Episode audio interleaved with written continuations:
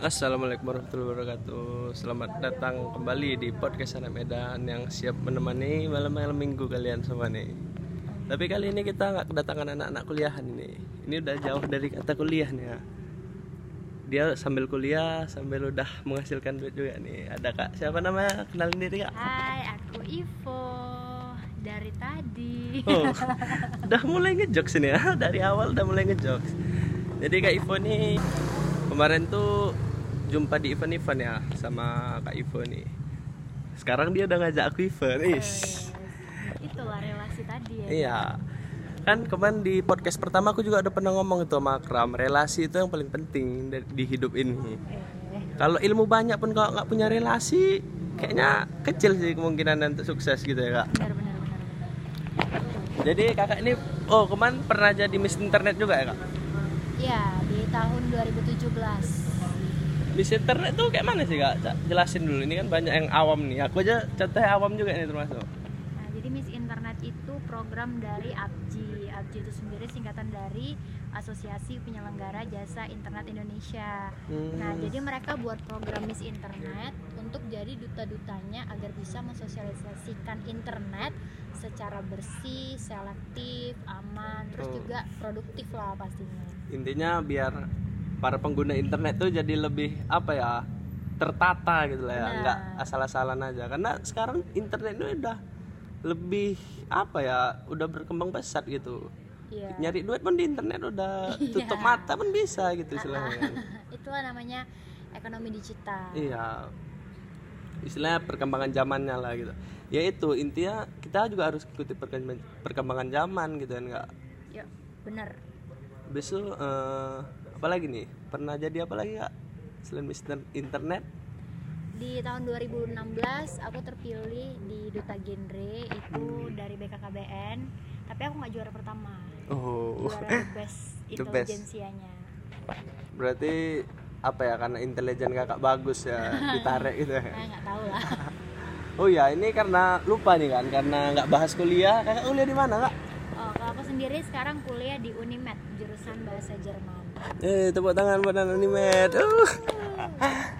jadi eh, kakak kan juga main MC nih kan MC itu awalnya kayak mana sih kak kakak Kalau nge-MC sih sebenarnya aku dari SMA. Pertama eh, nge-MC nge-MC acara sekolah-sekolah, terus setelah tamat dari sekolah SMA, aku keseringan gitu jadinya kayak di Keenaan gitu ya. Iya. Nah, dan kemudian terakhir jadi kebanyakan jumpa sama IO-IO dan akhirnya mereka pakai jasa aku dan sampai sekarang ya terus gitulah nge-MC. balik lagi penting pentingnya relasi Iya, Ya. bener sekali. jadi intinya kayak mana ya relasi itu harus bangun setinggi tingginya gitu ya kan Iya, tap bungkus, dapi eh, teguh.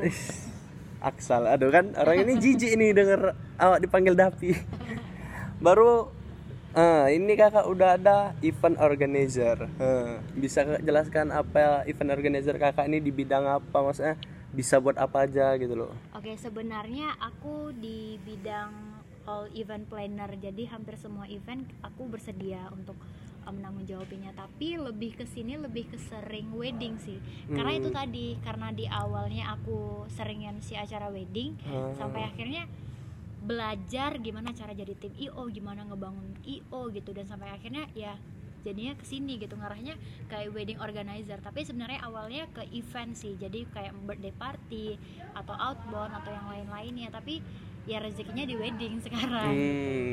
Jadi menurut kakak di tahun 2019 ini bangun IO masih menjamin atau enggak untuk hidup? menurut aku sangat-sangat menjamin. Karena ini merupakan salah satu bisnis yang berpeluang besar sekarang itu event organizer itu dibutuhkan di mana-mana karena sekarang orang tuh zamannya mau instan Iya. kayak orang mau nikah itu males ngurusinnya Males jadi ngurus. memakai jasa wedding organizer Jadi berarti ev- event event apa? event sih. Event, event itulah.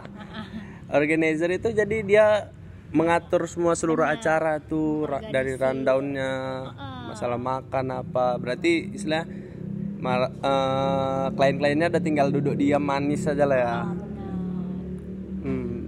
Baru untuk ke depannya rencana kakak ini kayak mana nih kak? kalau Apa yang pengen kakak buat gitu?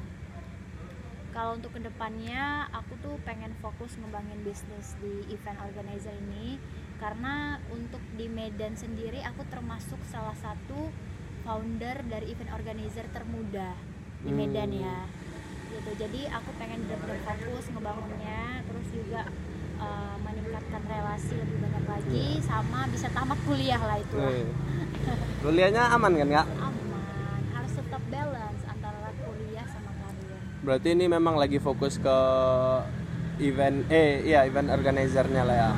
Baru eh, udahlah udah ke- ini memang dikit cuman ini udah cukup membangun lah untuk orang-orang yang mendengarkan ini. Eh, apa sih? Sebenarnya kayak mana cara kita supaya kakak umur berapa kak Hah? umur kakak berapa 21 tahun 21 ah, 21 tahun udah bisa menghasilkan duit yang alhamdulillah banyak ya kan.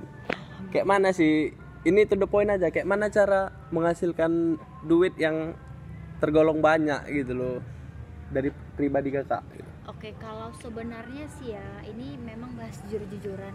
Kita jangan goalsnya itu uang dulu. Kita Hmm. bener-bener harus kerja keras dulu. Nanti dengan sendirinya uang itu akan datang sama kita. Itu sih yang selama ini aku terapin. Aku juga nggak nyangka sih sampai sekarang tiba-tiba rezekinya jadi pengusaha IO gitu. Padahal dulunya aku cuma ikut-ikut orang ya jadi-jadi tim WO bayaran Hmm, gitu terus hmm. ngemsi-ngemsi eh ternyata aku udah punya uh, brand sendiri di Hmm, event organizer itu sih gitu jadi benar-benar fokus benar-benar berusaha ya udah nanti rezeki itu datang sendiri gitu Berarti kasih kakak ngasih satu poin yang paling penting, aku ngasih poin yang paling penting. Kayak mana supaya kita memang bisa tergolong sukses gitu. oke satu poin penting ya Ya. kalau aku satu poin penting yang paling paling penting menurut aku kita hidup harus punya mimpi karena berawal dari situ semuanya kita bak kalau kita udah yakin sama mimpi kita kita bakal berusaha kita bakal berusaha keras ya udah akhirnya kita mendapatkan apa yang kita impikan. Ya kayak gitu. Berarti kesimpulan dari Kak, I- Kak Ivo ini berarti kalau kita mau jadi sukses, kita harus tidur biar kita mimpi. Ah, Iya. itu dia. Ya itu kan jokesnya cuman udah ngerti sendiri lah kan maksudnya. Kalau cuman kalau dari aku kita bangun relasi lah. Yap, itu penting kali itu. Ya udah kayaknya cukup sekian lah. Ini memang dikit tapi bermakna besar makasih ya kak Ivo sebelumnya. Sama-sama. Oh ya bisa follow IG kakak di mana kak? Oh ya boleh follow instagram aku di @ivoherawati WATY nah itu udah ada terima kasih. Wassalamualaikum warahmatullahi wabarakatuh